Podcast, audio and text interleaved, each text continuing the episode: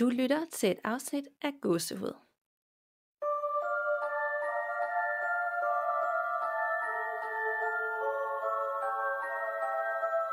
Hej Nana. Hej Danika. Og hej derude, og velkommen til episode 82. Vi er øh, tilbage med vores faste temaafsnit, kan man nærmest kalde det. Og i dag der har vi valgt et emne, som vi tidligere, eller jeg tidligere talte om i afsnit 16, hvilket efterhånden er et par år siden. Ja. Og det har vi glædet os helt vildt til. Ja, altså det er et vildt spændende og virkelig også øh, et meget uhyggeligt emne, synes jeg. Ja, og det handler jo nemlig om skyggefolk og væsner og heriblandt The Hatman, bare ja. for at nævne en enkelt. Og hvis man nu ikke har lyttet til afsnit 16 nu, nogle de starter jo med de nyeste afsnit og går tilbage, så kan man jo gøre det, og ellers så får man også rigtig meget info her, og kan sagtens nøjes med det. Okay. Og lige det her emne, der får vi rigtig mange lytterberetninger. Vi har efterhånden haft en del, øh, føler jeg i hvert fald, i Med The Hatman. Kan det ikke passe? Jo, det synes jeg også. Øhm, og det var, vi snakkede nemlig også om, inden vi lavede det her afsnit, at de lytterberetninger, vi skulle have med senere, altså vi skulle prøve at se, om vi kunne finde nogen med det emne. Og det var rimelig nemt, synes jeg faktisk. Har du det? Ja, det har jeg. Altså, jeg har også noget med en mand, men det er måske ikke lige The Hatman. Jeg, jeg synes lige, jeg havde lidt svært. Som alle dem, jeg havde læst op med The Hatman, dem kunne jeg godt finde, men jeg havde svært ved at finde det nye. Men det er godt at høre, at du har fundet en, øh, en lytterberetning, hvor der er noget eller det. Det har jeg, ja. Og det er jo nemlig noget, øh, der skræmmer os allermest, det her med skyggefolk og The Hatman, eller i hvert fald mig. Så vi skulle selvfølgelig dykke mere ned i emnet i dag, efterfuldt af hver vores uhyggelige historier om mørke væsener. Det er klart, fordi man kan jo godt lide at torturere sig selv med alle de ting, man synes er allermest uhyggeligt. Ja, det er faktisk meget skørt, at det altid skal være det værste af det værste, ikke? Men øh, det er jo også det, der gør det lidt sjovere og lidt mere spændende. Ja, helt klart. Men øh, er der sket noget hos dig siden sidst? Ja, altså, øh, jeg synes ikke, der er sket eller jeg ved ikke, men jeg tror ikke, der er sket noget overnaturligt. Øhm, og det er ikke sådan på den måde uhyggeligt, det er bare, jeg føler virkelig, at universet er imod mig lige i øjeblikket. Øhm, jeg er bare virkelig ramt af det ene uheld efter det andet, og åh, jeg synes godt nok, det er stramt lige nu, og har været rigtig syg, efter jeg fik andet stik øh, vaccine, og ja. Ej fået stjålet min telefon, og øh, konflikter, irriterende konflikter og sådan noget. Ja. Ej, er det er som om de der perioder, altså jeg kan godt genkende at når først noget går galt, og så kommer der tusind andre ting, der også alt går bare galt. Ja. Øh, og det er jo forfærdeligt, mens man står i det, og man har virkelig svært ved at se øh, noget som helst positivt, eller det lys imens. Men så som om, at om nogle måneder, når man så forbi det, og ja. man kigger tilbage, så, så værdsætter man mere de der perioder, det kender jeg i hvert fald selv, øh, når det ikke er sådan. Ja, det er rigtigt. Men det kan være virkelig umuligt at nærmest at se, mens man er midt i orkanens øje. Ja, men lige præcis. Og det, det har jeg også tænkt rigtig meget over, fordi at jeg har sådan dykket meget ned i hele den her spirituelle verden, og øh, sådan prøvet at bruge det rigtig meget med øh, manifesteringer og alt sådan noget. Ikke? Og øh, lige nu, der har det bare sådan, fuck alt øh, sådan, øh, de der ja. krystaller og tarotkort og alt sådan noget. Der er jo ikke noget, der virker alligevel. Og så har jeg tænkt rigtig meget på, at nemlig alle øh, de spirituelle folk, og også alle de religiøse mennesker, de sådan siger rigtig tit, at når man er i de der situationer, så er det nemlig fordi, at man bliver testet i sin mm-hmm. tro.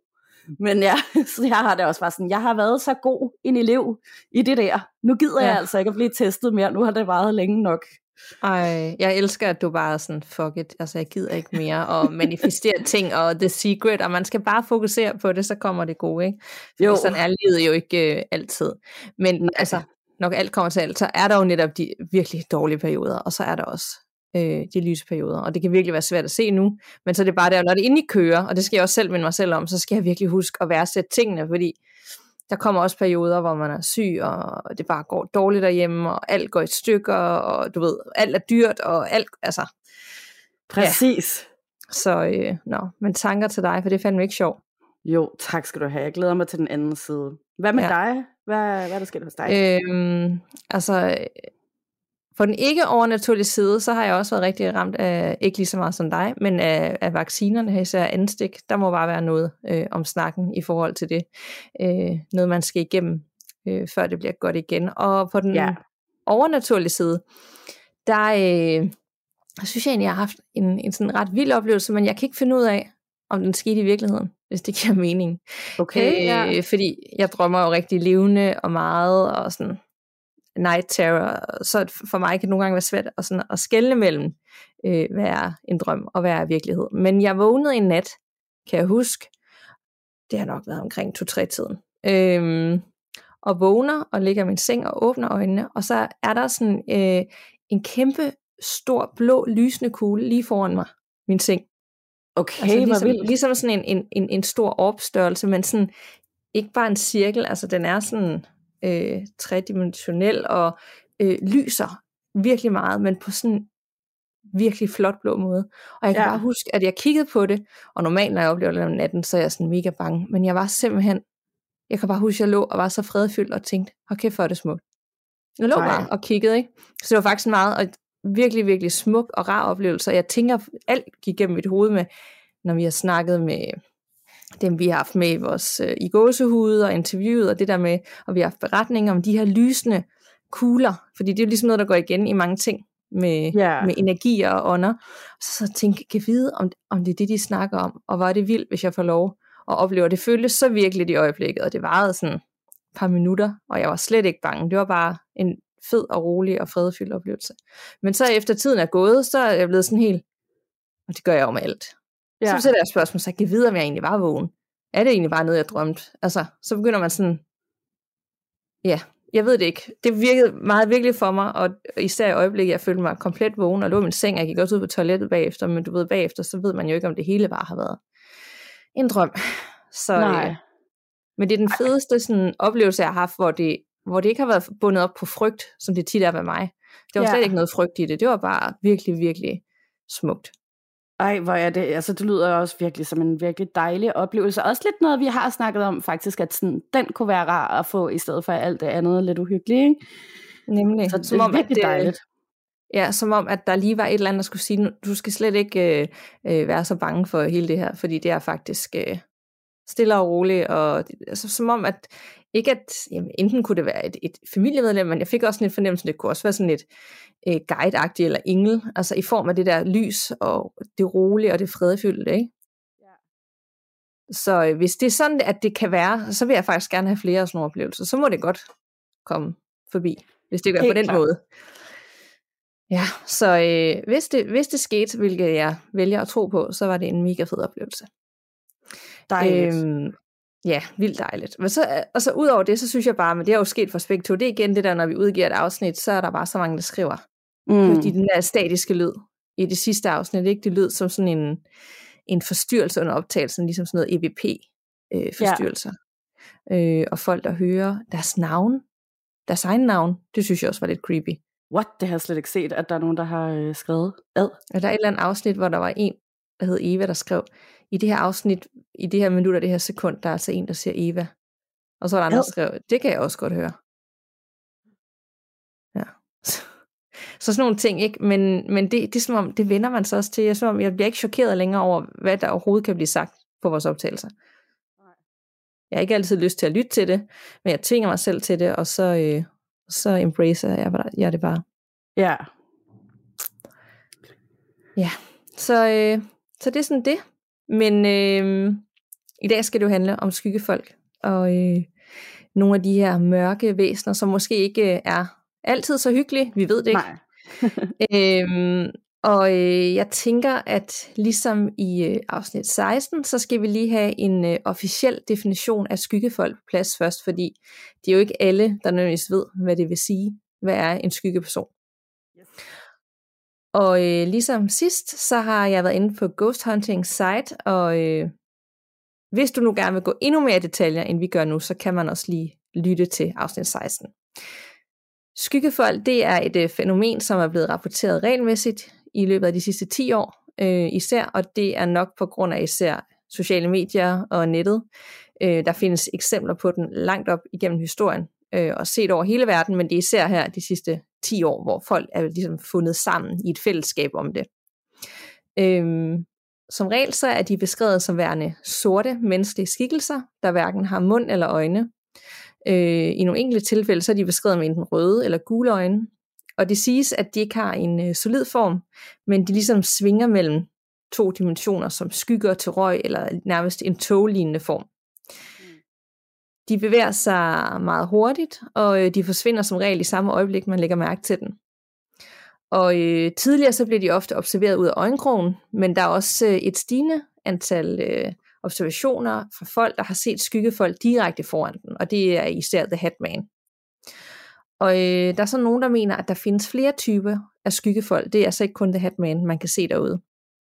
Nogle af dem er knyttet til et sted, og andre de tiltrækkes af en person, øh, eller følger med et eller andet. Og så er der dem, der ikke ønsker at blive set, og andre er ligeglade. Og så er der altså de her fire specifikke skikkelser, som er blevet set af rigtig mange mennesker over hele verden. Den første skikkelse, det er ikke andet end en sort masse, som i nogle tilfælde synes at have lange blæksprutte arme. Den anden form for skyggefold, det er en barnlignende skikkelse, der samtidig bærer en slags hætte. Så er der den tredje, som er en meget høj, tynd mand med et hoved på størrelse med et græskar. Og øh, sidst men ikke mindst, så er der altså The Hatman, som nok er den mest populære form for øh, skyggeperson, som er en høj, kulsort skikkelse af en mand, som bærer sådan en bredskygget hat øh, og en kappe eller form for trenchcoat. Og derfor så han også The Hatman. Og han er altså set over hele verden og fremstår ofte så truende. Og nogle mener endda, at han er en form for dæmon som regel så oplever man en voldsom frygt, når man møder skyggevæsener, og øh, nogle de føler sig truet af de her skyggefolk, og andre fortæller, at de er blevet forfulgt eller nærmest angrebet. De fleste beretninger går der på, at folk bliver observeret over længere tid, og det er rigtig ofte som barn, hvor det nærmest er blevet hverdag at støde på de her skyggefolk i mørket, når man ligger i sengen. Og The Hatman, det er det fænomen, jeg privat vil fokusere på i dagens afsnit, Øhm, han viser sig især for folk, mens de er lammet af søvnparalyse, og det føler jeg også, at en del af de beretninger, vi har haft med gennem tiden, det har været i de tilfælde. Og man kunne så argumentere for, at øh, om der kunne være tale om fantasi eller drømme, fordi det netop er under en søvnparalyse. Men det, der er det mærkelige, det er, hvorfor folk ser den her samme mand igen og igen og igen og igen i hele verden. Øh, både mens de er søvnparalyse, men altså også tilfælde, hvor folk er vågne. Øh, der er også eksempler på folk, der møder ham midt ude på gaden under en gadelygt, men øh, fælles for den alle er, at han næsten altid kommer, når det er mørkt. Og øh, tilbage i afsnit 16, jeg har lige genlyttet det, der havde vi en øh, udtalelse med fra en klaverjant, der tidligere indgik i en af lytterberetningerne, og hun mente, at skyggefolk, det er ånder af mennesker, der enten sidder fast eller havde begået selvmord. Øhm, og vi har efterhånden haft en del beretninger med folk, der har taget deres eget liv og blevet ånder, men hvor de alligevel har vist sig, som de nu så ud i, i, i virkeligheden. Så øh, jeg ved ikke, om der er noget om det. Øh, det finder jeg jo nok aldrig ud af, men, men det vil jeg i hvert fald lige tage med, fordi det var øh, en klaviant, der mente det. Og netop øh, fordi han har vist sig så meget, så er der også adskillige dokumentarer og film og bøger om fænomenet. Ja, der er faktisk også en decideret webside, kendt som The Hatman Project, som udelukkende deler de her mange uhyggelige beretninger i mødet med The Hatman. Og jeg tror, at rigtig mange mennesker har svært ved at tro på, at The Hatman eksisterer, lige indtil at de selv møder ham en mørk nat. Det tror jeg faktisk, de fleste er det sådan lidt abstrakt, og hvad er det, og det bliver sådan lidt, du ved, fantasiagtigt. Øhm, Øh, fordi er det en myte, er det en ånd, der ikke har lært at vise sig ordentligt selv endnu? Altså skal man igennem sådan en læringsproces, hvis man skal gå igen? Øh, og derfor så kan de ikke ses ordentligt i starten. Øh, det kan jo også være. Og det kan også være, at vores beretning for i dag måske kan overvise dig der om derude, om at øh, skyggefolk med særlige og fremtrædende karakter i den grad er virkelighed for mange mennesker rundt omkring på jorden. Jeg sidder selv med den her følelse af, at øh, er skyggefolk gode, onde, eller er de der bare? Altså det har jeg stadig ikke fundet ud af. Hvad tror du? Mm, nej, altså det er jo igen det her meget store eksistentielle spørgsmål lige. Det er sådan, er der egentlig noget, der er ondt, eller er det nemlig bare fordi det er sådan nogle forpinte øh, rester? Altså det, det vil jo give mening, hvis det er, mm. som, mhm. som nogen har en teori om, at det er mennesker, der har øh, slået sig selv ihjel, ikke? Øhm, ja. Så det, ja, det er i hvert fald ikke behageligt, kan vi blive enige om. Nej, nemlig. Altså det, det, det er den vibe, man får. Og jeg er sådan lidt, hvad er hensigten med deres besøg? Er de fanget? Øh, kan man blive nedgraderet til skyggefolk, hvis man ikke opfører sig ordentligt i en anden verden? Øh, er det en straf? Altså, det, der er så mange spørgsmål, og der er så få svar. Så jeg faktisk, eller vi vil gerne elske at høre, hvad I lytter, tror og forbinder med The Hatman og skyggefolk. Øh, er det blot en ånd på lige fod med alle andre? Er det dæmonisk? Øh, hænger de ved et sted? Kan de følge folk rundt? Er de klæbeånd? Øhm, og i alle de fortællinger, jeg finder, så i 99% af tilfældene, så står i stedet Hatman som regel i døråbningen i et skab eller et hjørne og bare kigger. Øh, nogle gange med de her lysende øjne. Han gør ikke et stort væsen ud af sig selv. Han springer ikke altid frem. Han løber ikke umiddelbart, og han siger ikke så meget. Så, øh, men det ved jeg faktisk heller ikke, om det gør det bedre eller værre. Nej. men øh, inden jeg går i gang med den beretning, jeg har med med The Hatman, øh, der vil jeg lige øh, bede dig derude om at google The Hatman, eller gå ind i Facebook-gruppen og søge på ham, fordi hvis du ikke allerede ved, hvordan han ser ud, det bliver nemlig bare lige en tand mere uhyggeligt, når man har en idé om, hvordan han ser ud. Det er rigtigt. Er du klar til en, øh, en uhyggelig forretning med The Hatman? Det kan du tro. Den er lidt lang, så sæt jer godt tilbage derude, og så lyt med. Fantastisk. Jeg er nysgerrig efter, om nogen har haft en lignende oplevelse som min. Det var sommeren 1988, og jeg var 15 år gammel. Jeg boede i et barsk kvarter og var et ret rebelsk barn. Jeg var nok det, man kalder organiseret småkriminel. Jeg var virkelig ikke bange for noget, og jeg kunne let være blevet dræbt ved forskellige lejligheder. Husk, at det var godt før mainstream-nettet, og jeg aldrig havde hørt om skyggefolk, og jeg troede slet ikke på noget, jeg ikke kunne se eller røre. Jeg lå i min seng en nat og forsøgte at sove, da jeg skulle i skole den næste dag. Det var allerede mit andet gymnasium, fordi jeg blev bortvist fra mit første. Og jeg havde lovet mine forældre, at jeg ville prøve at gøre det bedre denne gang, og derfor gik jeg tidligere i seng, så jeg var frisk til skolen. Jeg lå på ryggen og kiggede på lysets revner i siderne og oven på min soveværelsesdør. Jeg kunne høre mine forældre se tv i stuen, og jeg kunne tydeligt høre dem tale om, hvad de skulle gøre ved mig. Jeg kunne høre, at det tv-program, de så, var et afsnit af Starsky and Hutch. Det var et afsnit, jeg havde set før, og det var lige begyndt. Jeg kunne høre naboens hund gø fra en indhegnet gård ved siden af. Og mens jeg lytter til alt dette og stiger på lysets revner, der kommer ind ad min dør, så tænker jeg, at jeg aldrig kommer til at falde i søvn og sikkert kommer for sent i skole igen. Pludselig er der en mand, der sidder på noget ved siden af min seng. Han har en sort trenchcoat og en sort fedora-hat på, som de gamle gangster plejede at gå med. Hans store spidse krave på hans frakke er vendt op, og hatten vippes ned, så jeg slet ikke kan se hans ansigt. Jeg kan kun se alt dette igennem mit perifære syn, fordi jeg er fuldstændig lammet. Jeg er klar over, at han har været der et stykke tid, og vi kommunikerede telepatisk, selvom jeg dengang ikke vidste, hvad ordet telepati betød, som, al, som om alt var helt normalt. Det var som om han sne sig op og bedøvede mig, så jeg, ikke, så jeg ikke skulle være bange. Men pludselig virkede bedøvelsen ikke længere, for jeg begyndte at freake ud og prøvede at bevæge mig og råbe og stille spørgsmålstegn ved, hvad der skete. Jeg kan huske, at han blev ved med at prøve at kommunikere med mig, men jeg kunne ikke forstå ham mere og gik bare i panik. Jeg kunne aldrig huske vores samtale, men jeg følte på en eller anden måde, det var vigtigt. Jeg følte dog en primitiv, modbydelig frygt, som jeg aldrig har følt før, og så ramte mig. Jeg drømmer. Jeg skal bare lige vågne. Men så fortæller jeg mig selv, hvorfor jeg måske stadig kan se lysets revner komme ind ad min dør. Måske faldt jeg bare i søvn med åbne øjne. Jeg prøvede at rationalisere situationen, selvom det var svært ved at koncentrere mig om andre ting ud over ham. Jeg kan stadig høre mine forældre tale, men det handler ikke mere om mig. Og jeg kan høre tv-programmet. Det er lige slut, og nu kører der en reklame. Jeg kan mærke, at denne mand virkelig prøver på hårdt at kommunikere med mig, og stadig ikke kan lide, at jeg prøver at finde ud af, hvad der sker. Jeg kan stadigvæk høre hunden ved siden af gø. Og det var der, jeg indså, at jeg ikke drømte, og nu begyndte jeg virkelig at gå i panik. Jeg prøvede at bevæge mig ved at vrikke med mit tær, men pludselig føltes det som om, jeg er dopet igen, og vi genoptog vores samtale, som om intet var ud over det sædvanlige. Jeg var igen ikke bange eller forvirret. Jeg følte slet ingenting. Og jeg kan ikke huske, hvad vi talte om, men jeg kan huske, at han tænkte på noget, der gjorde mig sur, og jeg tænkte noget dårligt tilbage mod ham, der gjorde ham sur. Pludselig rejste han sig hurtigt op over min seng, og den dopede følelse forsvandt øjeblikkeligt, og jeg prøvede at skrige efter mine forældre og flytte min krop. Men det kunne jeg slet ikke. Han begyndte langsomt at læne sit ansigt ned mod mit, og frygten jeg følte var nu overvældende. Han kom tættere og tættere på med hatten vippet ned og kraven vendt op, hvilket kun efterlod en lille åbning for at se hans ansigt. Da han kom tættere på, tænkte jeg på, at jeg alligevel ville dø, så jeg prøvede at se hans ansigt. Han bevægede sit ansigt så langsomt mod mit, at det føltes som for evigt.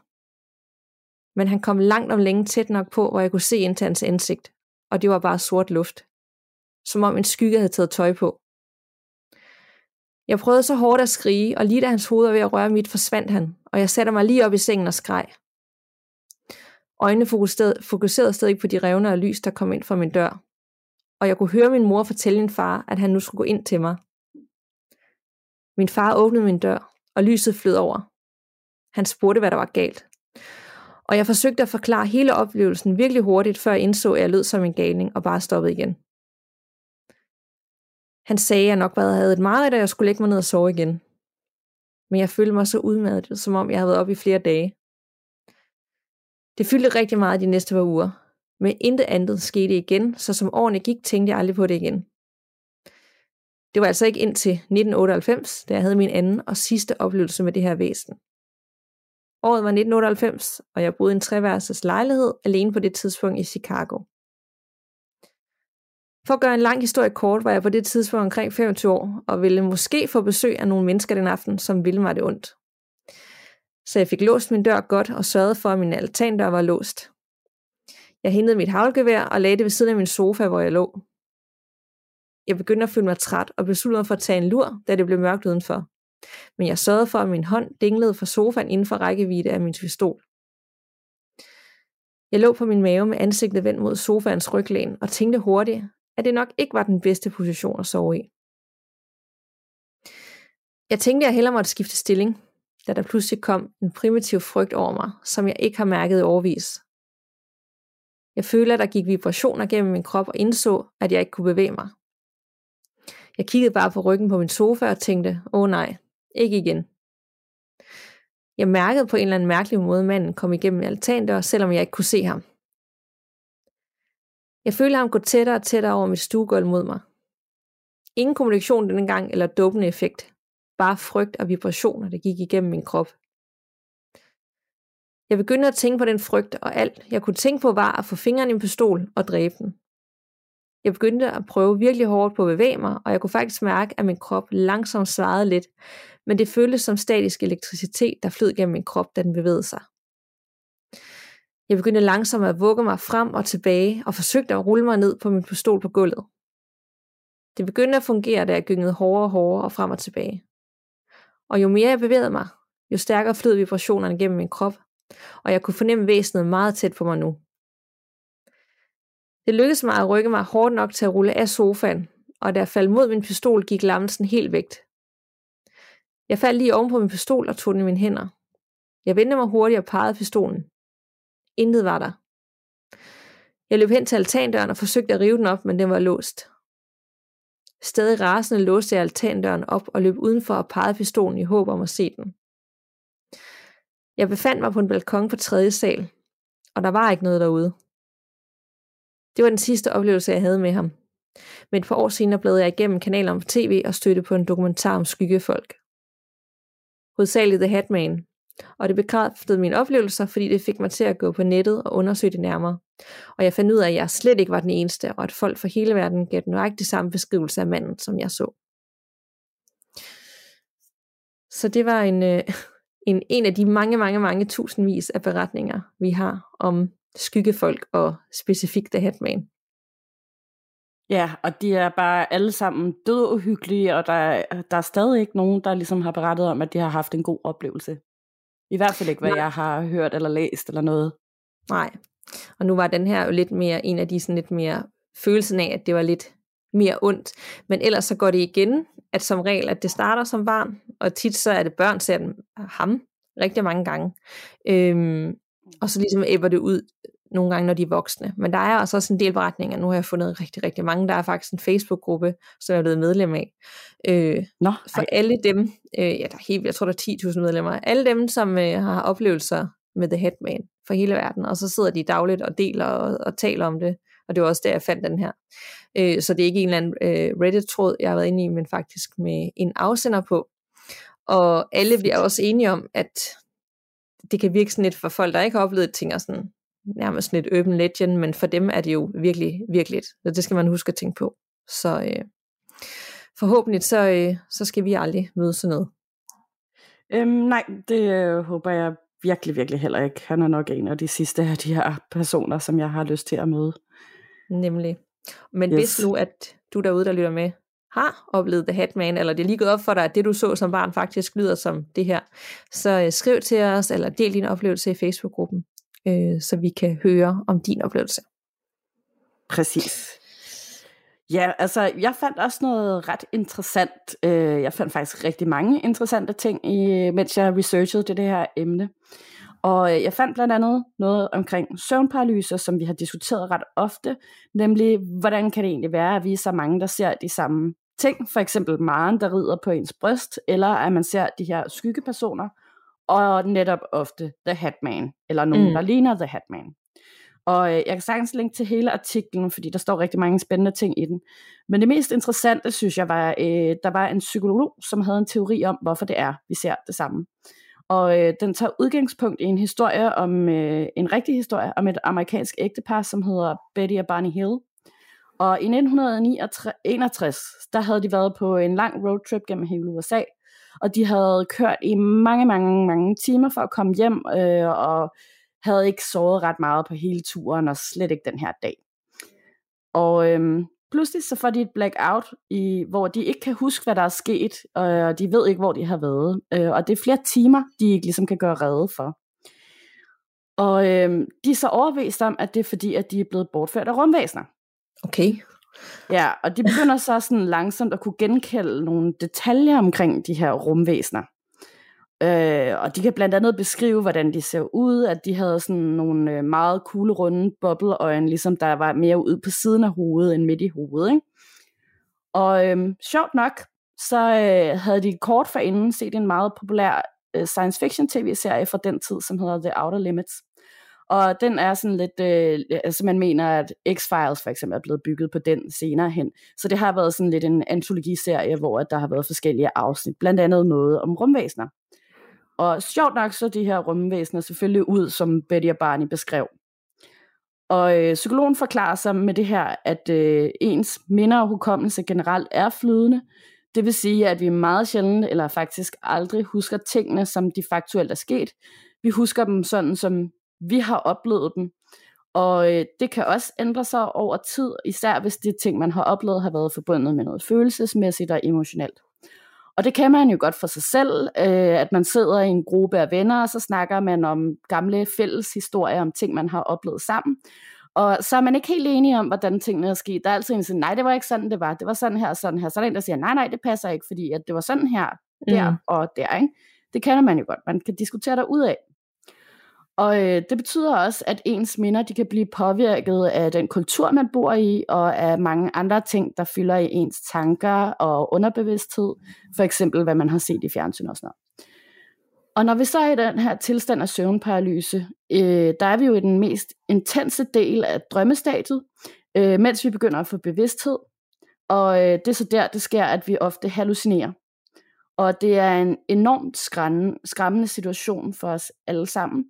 Og derfor er det også meget naturligt for vores hjerner at prøve at finde forklaringer på det, der, det, vi, det vi synes er uhyggeligt, og som vi ikke kan forstå. Øh, og derfor så kan det være, at vi tyr til at huske det som noget, vi allerede kender. Og øh, Maren, der rider på en på brystet, kan være opstået, fordi at man i den tid, de øh, myter er begyndt at opstå, har været bange for hekse. Og øh, så har det været samtidig med, at man har følt den her trykken for brystet, men det kan jo sagtens være, fordi at åndedrættet øh, meget tit er besværet, når man er i den situation. Og øh, hvad er det jo så, de fleste af os kender, eller hvem er det så, vi alle sammen kender, som vi forbinder med noget meget, meget uhyggeligt, øh, der ligesom kan manipuleres i drømmen. Det er jo mm. Freddy Krueger, ikke? Jo. Og øh, sjovt nok, så har han jo også sådan en fedora-hat på. Så måske er det derfor, at der er så mange af os, der sådan i nyere tid, hvor man også begynder at tale med, altså jeg føler ikke, at det er mere end de sidste 20 år siden max, at vi begyndte at tale meget om det her med søvnparalyse og sådan noget. Det er, meget, det er meget kortere tid siden, jeg selv har fundet ud af, hvad det var.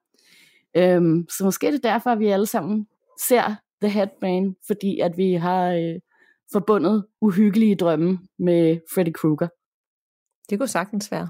Det er i hvert fald ja. mere øh, videnskabelig tilgang til det, ikke? Og, og, og nemmere at acceptere på en eller anden måde, end at ja. det faktisk er noget åndeligt.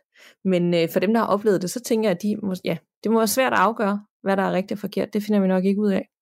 Det er jo det. Og det er jo også bare i søvnparalysen, fordi der er jo ligesom heller ikke nogen forklaring på, hvorfor der er nogen, der ser ham, når de ikke har søvnparalyse. Mm. Ja, og øh, så er der jo også en anden meget øh, mytisk skyggeperson, som de fleste af os nok også kender, og det er Slenderman. Og han er netop sådan en, øh, der har de her mange arme eller sylespidse tentakler og sådan noget, der gror ud for ryggen på ham. Det, det er den slags skyggemenneske, han er. Og han er opstået som fænomen, der er blevet større og større på internettet. Og øh, hans oprindelse kan spores tilbage til det, helt konkret den 8. juni 2008, hvor en øh, amerikaner i Florida med et meget dansk klingende navn, som hed Eric Knudsen, lagde et photoshoppet billede op af Slenderman i et forum, som hedder Something Awful. Og øh, det her billede gik viral, fordi at alle folk bare var helt vilde med den øh, historie, han ligesom havde bygget op omkring den her figur. Og øh, så der opstod en hel subkultur, hvor at øh, der var mange flere, der lavede nye photoshoppede billeder af noget lignende, og lavet tegninger af ham, og begyndt at skrive historier om fiktive møder øh, med The Slender Man. Ikke? Og han beskrives nemlig ofte som abnormt høj og øh, tynd, en skyggeperson, der samtidig har de her sylespidse takler. Nogle gange så har han røde dæmoniske øjne, og andre gange så ligner han mere The Hatman og har intet ansigt. Og det her fænomen omkring Slenderman, det har vokset sig så enormt stort, øh, at der også er lavet en spillefilm og flere kortfilm om ham. Men jeg synes, det mest uhyggelige omkring The Slender Man, det er en, øh, en meget tragisk sand historie om to 12-årige piger, der hedder Morgan Geiser og Anissa Wire, der lukkede deres jævnaldrende veninde, Peyton Leutner, med ud i en skov, hvor de så stak hende 19 gange med en kniv for at tilfredsstille Slenderman. Morgan og Anissa her, de havde brugt utallige timer på internettet for at læse om The Slender Man. De var troede fuldt og fast på, at han eksisterede, og var kæmpe fan af ham, meget, meget fascineret af ham, og hele det univers omkring ham. De troede på alt, hvad der stod på nettet. Og deres plan, det var, at de skulle ofre deres venindens liv øh, til Slenderman, og så øh, derefter tage ud for at finde ham, og ligesom blive deres, øh, jeg ved ikke, hvad man skal kalde det, sådan følgere, eller hvad man skal sige. Øh, men heldigvis så overlevede Peyton mirakuløst, og hun formåede at kravle sig hen til en vej, hvor hun blev fundet af en cykl- cyklist der så tilkaldte en ambulance. Og de her to piger, Morgan og Nissa, de havde også haft nogle meget dystre interesse i hele det mobile univers. Blandt andet så havde en af dem også delt nogle videoer af dyr, der døde, eller sådan var blevet kørt over på vejen, eller et eller andet. Og øh, de fik også nogle øh, meget alvorlige psykiske diagnoser, da det blev undersøgt øh, i forbindelse med, at de blev fundet og tilbageholdt, og der skulle køres retssag og alt sådan noget bagefter. Og øh, hvis man ikke allerede kender den og har set den, så ligger der en rigtig god dokumentar på HBO, som hedder Beware the Slender Man, som går i hele detaljer omkring den her sag. Og øh, jeg skal komme med en lille warning om, at den er meget, meget uhyggelig og meget, meget forfærdelig og trist. Mm. Og altså, det er så skrækkeligt at tænke på, at den her mytiske figur, en urban legend, der er opstået på internettet, er endt med at have så frygtelige konsekvenser. Ikke? Mm. Det er virkelig skrækkeligt. Jamen, det er også bare en forfærdelig historie. Jeg kan ikke engang huske, var de, de var ikke engang ret gamle, vel? De var 12 år. Ja.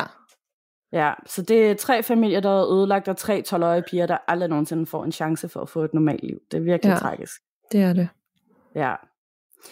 Og øh, mens jeg sad og søgte på alt det her, der fandt jeg også en virkelig creepy historie øh, i kommentarerne på en artikel omkring The Hatman.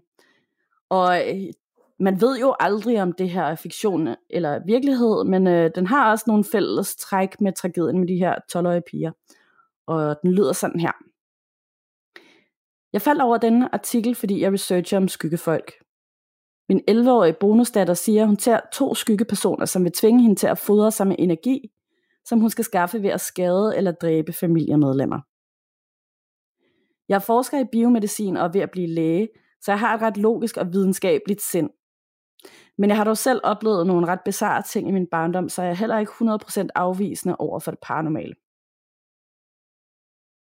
Min bonusdatter beskriver to skyggepersoner. Den ene er utrolig høj, cirka 3,5 meter, og han er meget tynd. Hans ansigt er utydeligt, han har en dyb stemme.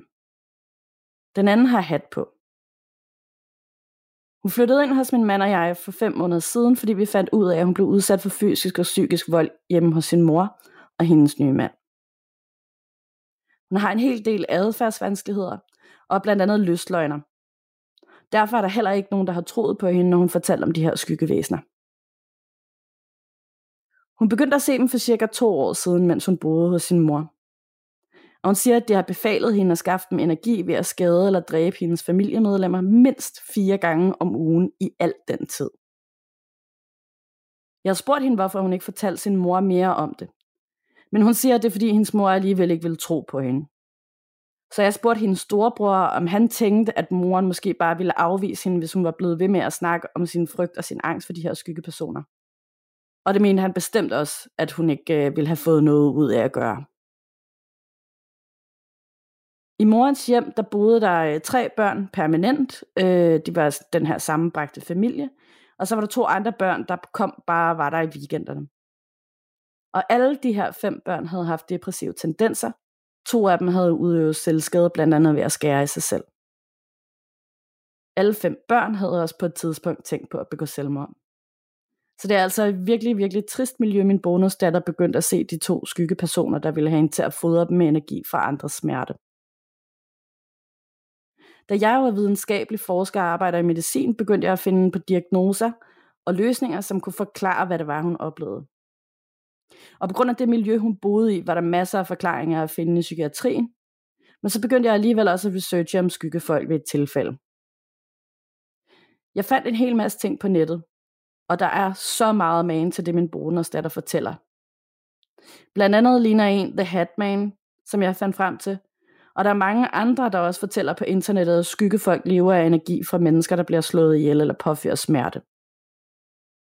Og det løb mig iskoldt ned ad ryggen, for det var det, der havde fyldt så meget for hende, og virkelig havde planen, pladet hende, at, at de krævede det af hende.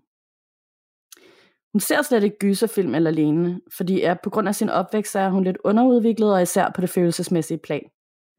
Så faktisk ser hun kun børnefilm og tegnefilm, så nu føler jeg, at jeg er nødt til at finde ud af mere om de her skyggefolk, for jeg kan ikke regne ud, hvor hun har hørt om dem fra. Hun har ikke givet efter for deres plan, men hun fortæller, at de bliver mere og mere voldsomme og insisterende. Og i går hørte jeg hende have en lang og hæftig diskussion med dem om det ude på, der, ude på vores badeværelse. Jeg vil gøre alt for at hjælpe hende, og min umiddelbare tanke er selvfølgelig, at hun måske bare skal indlægges på psykiatrisk afdeling. Men jeg er også rigtig bange for, hvad det kan have konsekvenser, hvis hendes oplevelser bare bliver afvist der. Så jeg vil meget gerne høre fra jer, hvis I ved mere om disse væsener og har nogle idéer til, hvad jeg skal gøre. Og det er jo umuligt for os at vide, om det her bare er en historie, der er digtet ud for alle mulige ting, hun har for nettet, eller om hun i virkeligheden har den her bonusdatter, der oplever de her ting.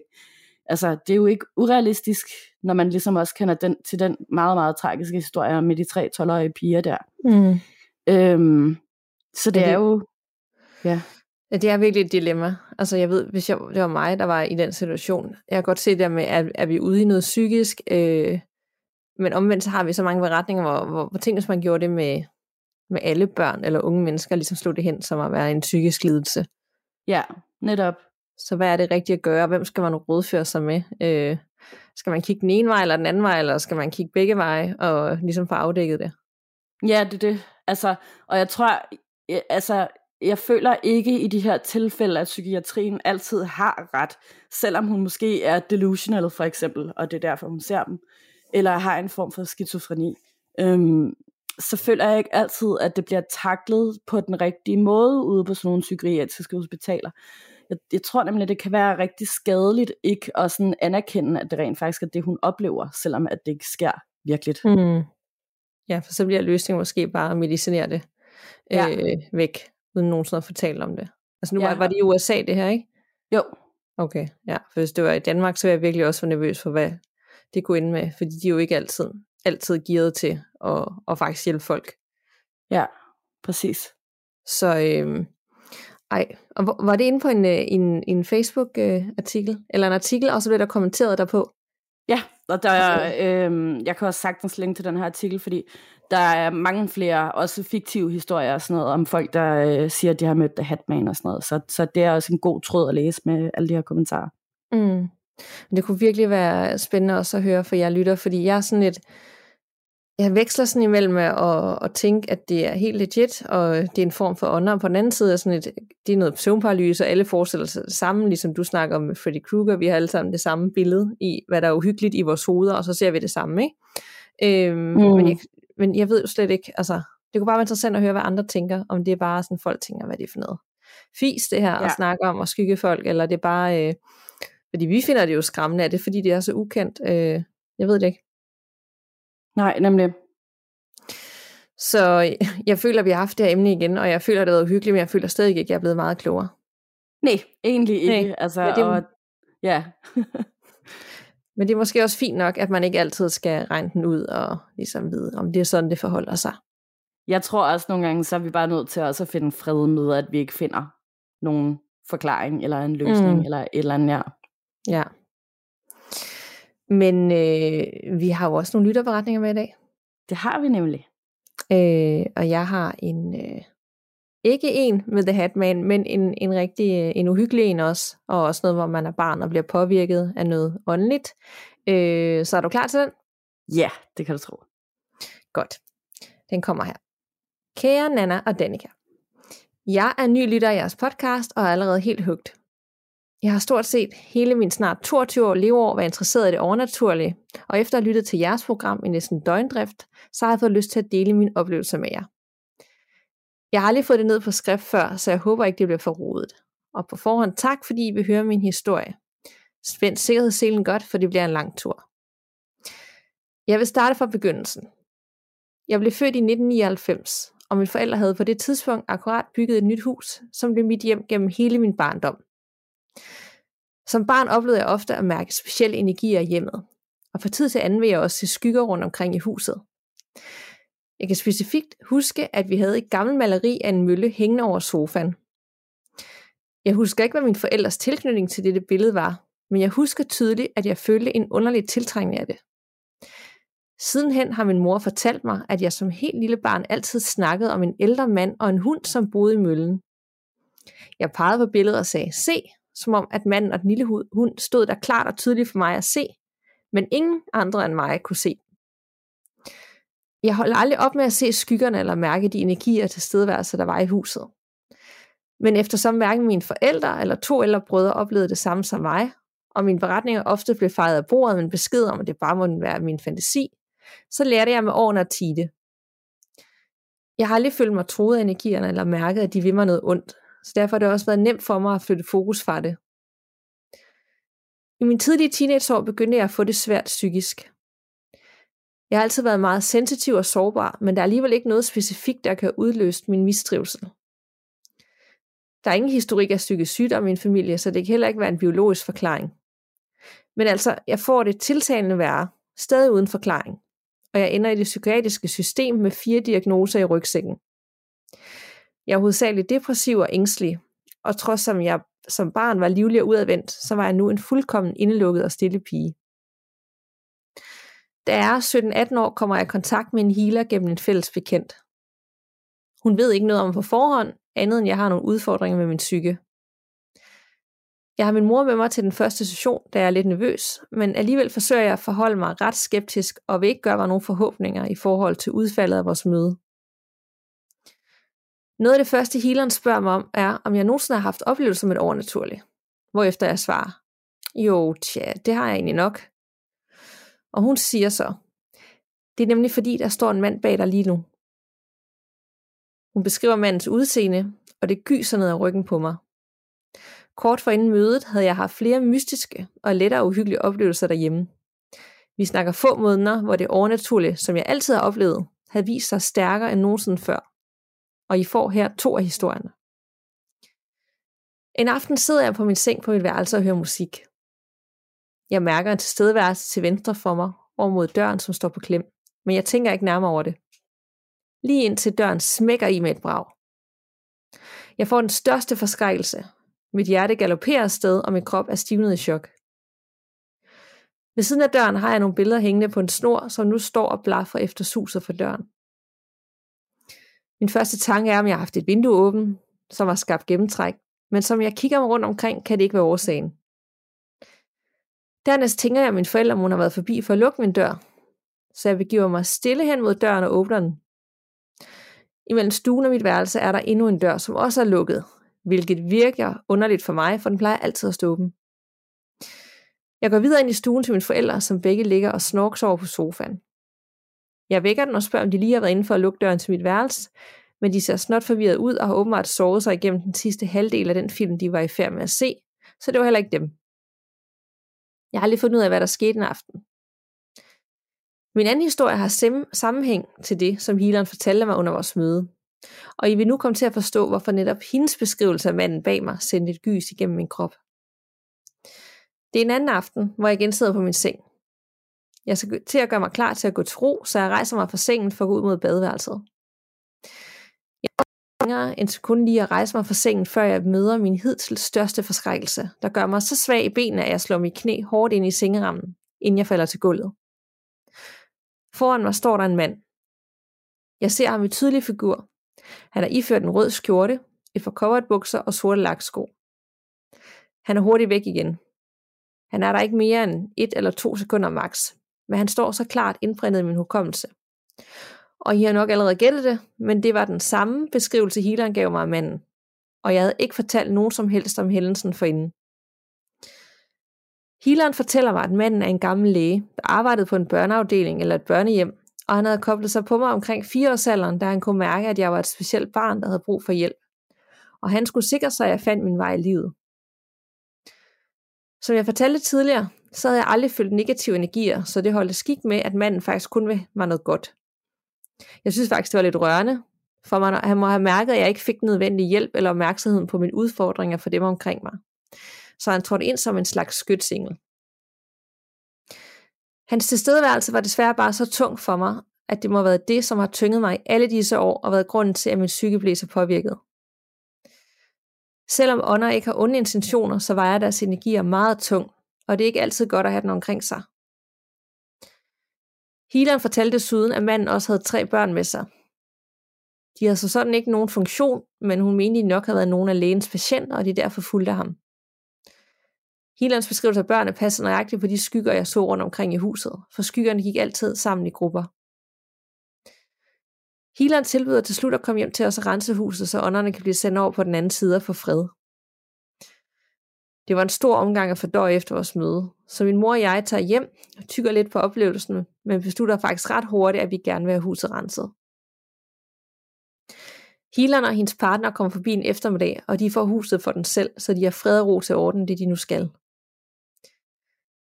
Vi har ikke fortalt dem noget omkring, hvor energierne specifikt holder til i huset, eller hvordan det eksempelvis også i min afdeling af huset altid er og havde været markant køligere end resten. Ligegyldigt hvor meget vi forsøgte at rette på termostaten. Efter halvanden times tid er de færdige, og vi møder den ved døren. Som det første træde vind kan jeg allerede mærke en meget lettere stemning i huset. Det virker også meget mere lyst af en eller anden uforklarlig grund. Vi går rundt i huset sammen med healeren, imens de forklarer, hvad de har oplevet. Vi starter i enden af huset, hvor mit lærelse ligger, og med det samme vi træder ind, kigger mine forældre og jeg på hinanden. Vi tænker det samme, og min mor siger det højt. Hold da op, det er blevet meget varmere herinde. Og termostaten stod på den samme temperatur, som da vi forlod huset. De kunne fortælle, at det var på mit værelse, de mærkede den tungeste og stærkeste energi, og det var også her, manden holdt til. Han var svær at sende over på den anden side, men det lykkedes den alligevel. Vi bevæger os derefter ind i stuen, Hilam peger over mod et hjørne, hvor der står nogle små taburetter, og som jeg altid har hadet og haft en ubehagelig fornemmelse af. Hun siger, at børnene som fuldemanden holdt meget til netop det sted. Jeg blev helt målløs, og hun spørger mig så, om jeg har oplevet noget i forhold til det. Jeg fortæller om taburetterne og siger, at det ofte er der, jeg har set skyggerne. De fortæller os flere ting, men de her har været de mest interessante og tankevækkende. Det var det hele taget bare en meget surrealistisk oplevelse, som efterlod os med blandede følelser. Jeg var ret så skeptisk i starten, så jeg vidste ikke helt, hvordan jeg efterfølgende skulle forholde mig til det. Men jeg tror nu uden tvivl på, at der er meget mere mellem himmel og jord. Jeg er blevet bekræftet i, at det ikke bare var min livlige fantasi, der havde været på spil. Jeg tror også, at mine forældre havde en smule dårlig samvittighed over, at de aldrig havde taget mig alvorligt. Men altså, who's to blame?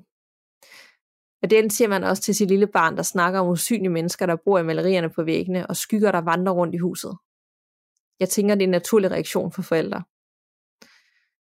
Det sjoveste er dog, at min far, som er ateist med stort A og ikke tror på en fløjtende fis, selv blev blæst bagover af hele den her oplevelse. Selvom han ikke var glad for at indrømme det, så mærkede han også, hvordan hele energien i huset og forklarligt var vendt 180 grader efter healerens besøg. Siden rensning af huset har hverken jeg eller mine forældre oplevet eller mærket noget til det overnaturlige hjemmet. Jeg er i dag flyttet hjemmefra, men jeg kan tider stadig mærke energier, og samtidig ser jeg også skygger i min nuværende lejlighed eller i andres hjem. Jeg går fortsat til healing, hvor jeg drøfter disse oplevelser med healeren. Og hun har faktisk forklaret mig, at jeg har evner til at kontakte den anden verden, og fordi jeg er så sensitiv, så tiltrækker jeg nemt energier derfra. Hun skal en dag lære mig op til selv at blive healer, så selvom det har været en turbulent rejse fra start, så tror jeg på, at jeg kan få noget konstruktivt ud af det hele i sidste ende. Om man vil tro på det eller ej, så eksisterer der mere i den verden, end det blotte øje kan se. Tak fordi I lyttede til mine beretninger, og tak for en fantastisk podcast. De kærligste hilsner fra Freja. Wow, jeg ikke? kan ikke rigtig kommentere på den, fordi at øh, mens du læste op, så er der sket det, der nogle gange sker i det her program, vi sidder og optager i, at øh, ja, altså at øh, det bliver sådan en robotisk stemme, stemme på, og så er der lydløst et stykke tid, og lige pludselig så øh, siger du fire sætninger på én gang, og sådan, så Shit, ja. altså det, det er som om, der virkelig er nogen, der ikke vil have, at du skulle høre den her beretning. Og nu kan du jo ikke øh, tale så meget om det, ja, kan jeg, der lytter med, ikke? Men altså, jeg vil sige, der er faktisk, ja. øh, der er noget af det øh, i beretningen, som minder om den oplevelse, du har haft i din lejlighed med ham manden. Øh, ham, som der blev sendt over på den anden side. Ja. Og det er det der med, øh, at man kan, øh, selvom en energi ikke har en ond hensigt, så kan det godt have en rigtig øh, tung effekt på de mennesker, som lever med ånderne. Giver det mening? Ja, helt sikkert. Øhm, ja, altså jeg kan jo ligesom ikke, jeg kan ikke læse det hele op igen for dig. Det er næsten synd, du gik glip af den. Du må lytte til ja. afsnit. ja, men, det skal jeg. Men der er et eller andet med, jeg kan også godt høre det ikke med dig, der er et eller andet øh, på linjen, som forstyrrelse, men jeg fik det også helt sådan mærkeligt, da jeg læste den op. Det gør jeg altid. Jeg føler mig altid, når jeg læser nogle af de her beretninger op, især de mere sådan, især sådan en som den her, at jeg bliver sådan helt, øh, jeg føler mig syg. Giver det mening? Ja. Altså jeg bliver sådan lidt, øh, jeg bliver øh, rundtosset, jeg bliver sådan lidt svimmel, øh, jeg føler, at min næse er tilstoppet, øh, sådan lidt, det summer. Altså meget mærkelig følelse, som om at det nærmest kanaliserer sig igennem, når man læser den op. Ja, præcis. Øh, men ved du hvad, jeg synes, vi går videre til din, Nana, fordi så får du lov at lytte til den, når at, det, det her afsnit udkommer. Øh... Ja. Ja, Præcis, og så må vi simpelthen se, hvad der, om øh, der sker det samme, når jeg begynder at læse op. Ja, jeg er klar. Yes, godt. Vi har fået en fra Rikke, som skriver, Hej gåsehud. Tak for en virkelig god podcast. Den er så fængende og spændende, at jeg kan lade være med at lytte, selvom jeg virkelig skræmmer livet af mig selv. Jeg tænkte, at jeg vil dele min historie, da jeg fra barnsben af altid har oplevet ting, som jeg ikke kan forklare. Da jeg var helt lille, flyttede min familie og jeg fra en lille lejlighed ind i et hus. Fra starten af tog jeg aldrig være ude i bryggersædet, når det var mørkt. Jeg følte altid, at der blev kigget på mig. Omkring syvårsalderen vågner jeg en nat og ser en skovhugger, som hugger sin økse ned i maven på mig. Han ville ikke gøre mig noget ondt, det var som om han bare huggede branden. Jeg har altid talt med dem, jeg kunne se, selvom jeg godt vidste, at de ikke var levende mennesker. Så jeg beder skovhuggeren om at gå, og i det jeg lukker øjnene, falder spejlet, der hænger lige ude foran min værelsesdør ned fra væggen. Der bliver en smule ældre, begynder der at stå en rødhåret beskidt dreng ude foran mit værelsesvindue. Han ville gerne lege med mig, men jeg var bange for ham. Så jeg rullede altid gardinet på mit værelse ned, inden det blev mørkt. I mange år stod han ude foran mit vindue hver nat, men jeg lukkede ham aldrig ind. Han var ikke som sådan ond, men jeg havde bare en rigtig dårlig fornemmelse. Da jeg er 12 år, dør min mormor på den smukkeste måde, man kan. Hun fik nemlig samlet alle sine 11 børn den morgen på hospitalet, hvor hun døde. Det var først, da alle hendes børn var på stuen, og min mor gik hen til hende og viskede hils far, at hun trak vejret for sidste gang. Jeg har altid været meget knyttet til min mormor, og jeg var mildt sagt sønderknust. Jeg tror, at min mormor hun kunne mærke, at jeg havde behov for at få et sidste farvel, for da jeg vågnede om natten et par dage efter, står der den smukkeste hvide skikkelse ved mit skrivebord, som står ved siden af min seng. Jeg bliver lidt bange, men siger højt, imens jeg ligger ned med hovedet under min dyne. Mormor, hvis det er dig, så elsker jeg dig, og jeg savner dig. Men vil du ikke være sød og tage afsted, for jeg er lidt bange. Og da jeg kigger op igen, er skikkelsen væk. Der gik mange år, før jeg oplevede den nok værste periode af mit liv. Jeg går i 8. klasse, da det overnaturlige virkelig begynder at komme tæt på. Det starter en dag, hvor jeg har influenza. Midt om natten kan jeg mærke, at jeg skal kaste op, men der kommer ikke noget ud. Jeg ender med at falde i søvn, men det næste, der sker, er så uforklarligt. Jeg på en eller anden måde kravler ud af min seng og ud i gangen.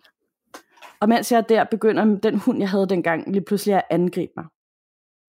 Så jeg halvvågner, og alt er sort for mine øjne, så jeg skriger bare i panik. Jeg ved ikke, hvor jeg er, eller hvad det er, der sker. Og jeg ved stadig ikke, hvorfor min hund overfaldt mig. Det var aldrig sket hverken før eller siden. Efter den hændelse begyndte jeg at se en mand, som kiggede på mig hver nat. Jeg kunne ikke være alene hjemme i en alder af 15 år, fordi jeg følte mig forfulgt og bange hele tiden. Min mor endte med at tilkalde en klaverjant, som fortalte mig, at jeg var meget åben, så jeg havde altid tiltrukket mange ånder, som kom for at få hjælp af mig. Hun sagde, at de gik igennem mig for at kunne komme videre. Jeg har aldrig tur tro på, at det var sandt, men det giver en ret god forklaring på, hvorfor jeg altid var så træt og ked af det, inden klaverjanten kom og hjalp mig. Hun fortalte også, at manden, som kiggede på mig, var en farfar, der var kommet for at passe på mig. Og når jeg ikke var på mit værelse, så gik han rundt i gangen foran mit værelse for at holde vagt. Han gik over på den anden side, og jeg fik fred, eller hvad man skal kalde det, for ånderne i godt tre år. Da jeg flytter ind i min første lejlighed, begynder det hele igen. Denne gang er det en sort skikkelse af en mand, som står i mit køkken og som kigger på mig, når jeg sover. Som jeg husker det, havde han en høj hat på, og meget gennemtrængende øjne, som var noget af det mest ubehagelige, jeg har set. Jeg tænkte, at det bare var mine tanker, der spillede mig et pus, men jeg kunne ikke lide at sove alene, og måske var det blot min angst, som jeg har haft siden jeg var 13 år. Men da min veninde og jeg en aften sidder og ser film i min lejlighed, så slukker jeg lyset for at gøre det hele lidt hyggeligere. Hun bliver med det samme helt panisk og beder mig om at tænde lyset igen. Jeg kigger hen på hende, og det eneste hun siger er, hvorfor står der en mand i køkkenet? Fra den dag af har jeg troet på alt, hvad klærvejanden havde fortalt mig. Jeg er siden blevet lukket igen, så jeg er ikke modtagelig for det naturlige, for det overnaturlige, da det trigger min angst rigtig meget. I dag er jeg flyttet langt ud på landet og har ikke oplevet noget igen. Jeg tør at være alene hjemme, og jeg tør også gå udenfor, når det er mørkt, og jeg har ikke mærket noget til nogen ånder, siden jeg sidst blev lukket. Med venlig hilsen, Rikke. Wow, så mange spørgsmål. Hvor, veninden så også den her mand i hendes lejlighed? Ja, The Hat Man. Den høje hat, ja. Så har de jo ikke været i, under en søvnparalyse, eller de begge to lå og sov. Det var jo ved fuld bevidsthed. Præcis. Ja. Ja. Øh, og jeg fik ikke helt, hvorfor var det, at hunden angreb hende? Ja, det øh, har man ikke fundet ud af. Hun har aldrig fundet ud af det. Den havde ikke gjort det før, og den havde heller ikke gjort det siden. Øhm, det, altså, det kan der jo også være logiske forklaringer på. Måske er den blevet rigtig, rigtig forskrækket, fordi at hun har kravlet derude, i stedet for mm. at gå oprejst, så den ikke har... Øh, ja, og hvis den har ligget og drømt også, og er blevet forskrækket, så... Ja, jeg kender det ja. godt nok nogle, nogle gange, når min fars hund sover, og man kommer til at vække den, så øh, knurrer den helt vildt meget og sur. Ja, ja. Indtil den sådan vågner rigtigt, ikke? Ja, så egentlig et eller andet ja. sted en helt naturlig måske reaktion for en hund, der bliver bange. Ja, måske er det det. Ja. Ja. Det var i hvert fald tre meget forskellige oplevelser, hun har haft øh, med to familiemedlemmer, og som potentielt set The Hatman, som hendes veninde også så. Ja, nemlig. Øh. Vi burde næsten lave sådan en, øh, en søgning, både i Facebook-gruppen på The Hatman og ind i mailen og se alt det, der kommer op gennem tiden. Bare lige for sådan at, at få en, en oversigt over, hvor mange har vi egentlig at gøre med bare i Danmark. Ja, det kunne egentlig være ret interessant. Ja, det må vi lige gøre, så man ikke sådan, og er de alle sammen bundet op på søvnparalyse, eller nogen af dem også øh, ved fuld bevidsthed? Ja, helt klart. Det kunne være ret, ret interessant at se. Og hvis du derude har en lytterberetning, så må du endelig sende den til os på gåsudpodcast.gmail.com, og det er som altid gåsud med to A'er, og øh, vi har rigtig mange beretninger inde, men vi vil elske os at få din med, fordi før eller siden skal vi nok nå igennem den, og øh, det kan jo stadig være 7. 13, at vi får øh, en bog en dag, og der vil mange af dem så også komme i. Øhm, vi har Facebook-gruppen, der er godt gang i den derinde, og det er bare på gåsud podcast øh, på Facebook og Instagram, så husk endelig at følge os øh, de respektive steder, og læg endelig også en anmeldelse i din podcast-app, hvis du har tid. Og det tror jeg, det var alle de øh, praktiske ting, inden vi skal til dagens gåsudstip. Jeps, det var det. Skal jeg starte med mit, mit simple Meget Ja. ja, det er ikke, det er ikke noget øh, videre stort. Det er en film, jeg så forleden dag herhjemme. Det er ikke altid, jeg får tid til at prioritere film af en eller anden grund. Men øh, det er en, en ny gyseragtig film på Netflix. Du har sikkert set den, Anna. Det føler jeg. Aftermath. Ser du der noget? ja, den har jeg set. Den er virkelig god, ja.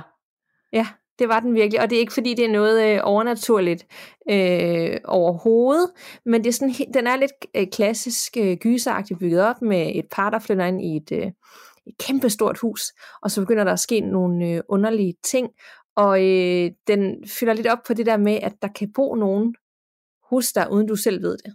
Om ja. det er på loftet, eller bag spejlet, eller der er små gange. Så øh, den er mega godt lavet, og den, er, den var virkelig klam, synes jeg. Men jeg var virkelig underholdt hele vejen igennem, og den tror også, den ligger top 10 på Netflix. Så skynd dig ind og se den, der hedder Aftermath, hvis jeg husker rigtigt. Yes, det gør den, og øh, jeg kan kun være fuldstændig enig. Jeg var virkelig også godt underholdt hele vejen igennem. Og øh, min, jeg har også sådan en lille dobbelttips, og det er også to ting på Netflix. Den ene er en serie, som øh, er, jeg tror, at sidste sæson af den udkom for tre år siden, eller sådan noget. Der er i hvert fald tre sæsoner af den, og den hedder Slasher. Og øh, det er en ny historie for hver sæson øh, med et tema. Og især den sidste sæson kunne jeg virkelig godt lide, så jeg har faktisk lige sådan, jeg så den, da den udkom, og jeg har lige genset den igen, og tænker, at sådan, den holder stadig. Det er ikke fordi, det er noget stor filmkunst eller noget som helst, men det er virkelig også en god, spændende, underholdende sådan, ah, jeg vil gerne se, hvad der sker i næste afsnit serie. Og øh, den anden, det er en film, som er sådan en, øh, en øh, horror-comedy-agtig film. Den hedder Little Evil, og det er øh, med Adam Scott, som man kender for rigtig mange komediefilm, øh, fordi han, han er sådan en, der er sådan helt stoisk, øh, kedelig, sjov på den måde. Ikke? Og øh, han øh, bliver gift med en kvinde, og opdager så, at øh, hans nye søn måske er en dæmon. Okay.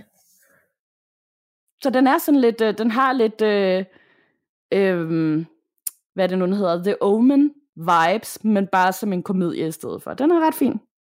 Og sådan en serie, eller var det en film? Det er en film. Okay.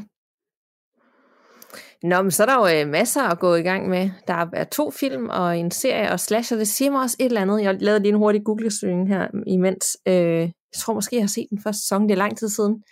Men jeg vidste ikke, der var hele fire. Ja. Ja. Der er tre er der. Tre sæsoner er der. Er der tre? Jeg googlede lige, så stod der fire, men det kan være, at fire, fire sæsoner slet ikke er kommet endnu. Men måske kommer Det kan godt være. Det er spændende. Ja, lad os håbe det. Fedt. Ja. Yes. Jo, det, det skulle den vist komme. Ja. Nå, men øhm, så kom vi igennem Fedt. om masse snak om skyggefolk og The Hatman og Slenderman og uhyggelige lytterberetninger, hvor du ikke kunne høre min, og jeg kunne høre hele din. så er alt sådan, det plejer, ikke? Med, med teknikken, der, der, der påvirker os. Jeg kan også høre nu, at øh, vi er lidt forstyrret på teknikken med nogle forskellige ting, så det er måske meget fint at slutte af nu, mens vi er begge to er lidt skræmte. Det tror jeg også, det er. så øh, tak for snakken, Anna. I lige måde.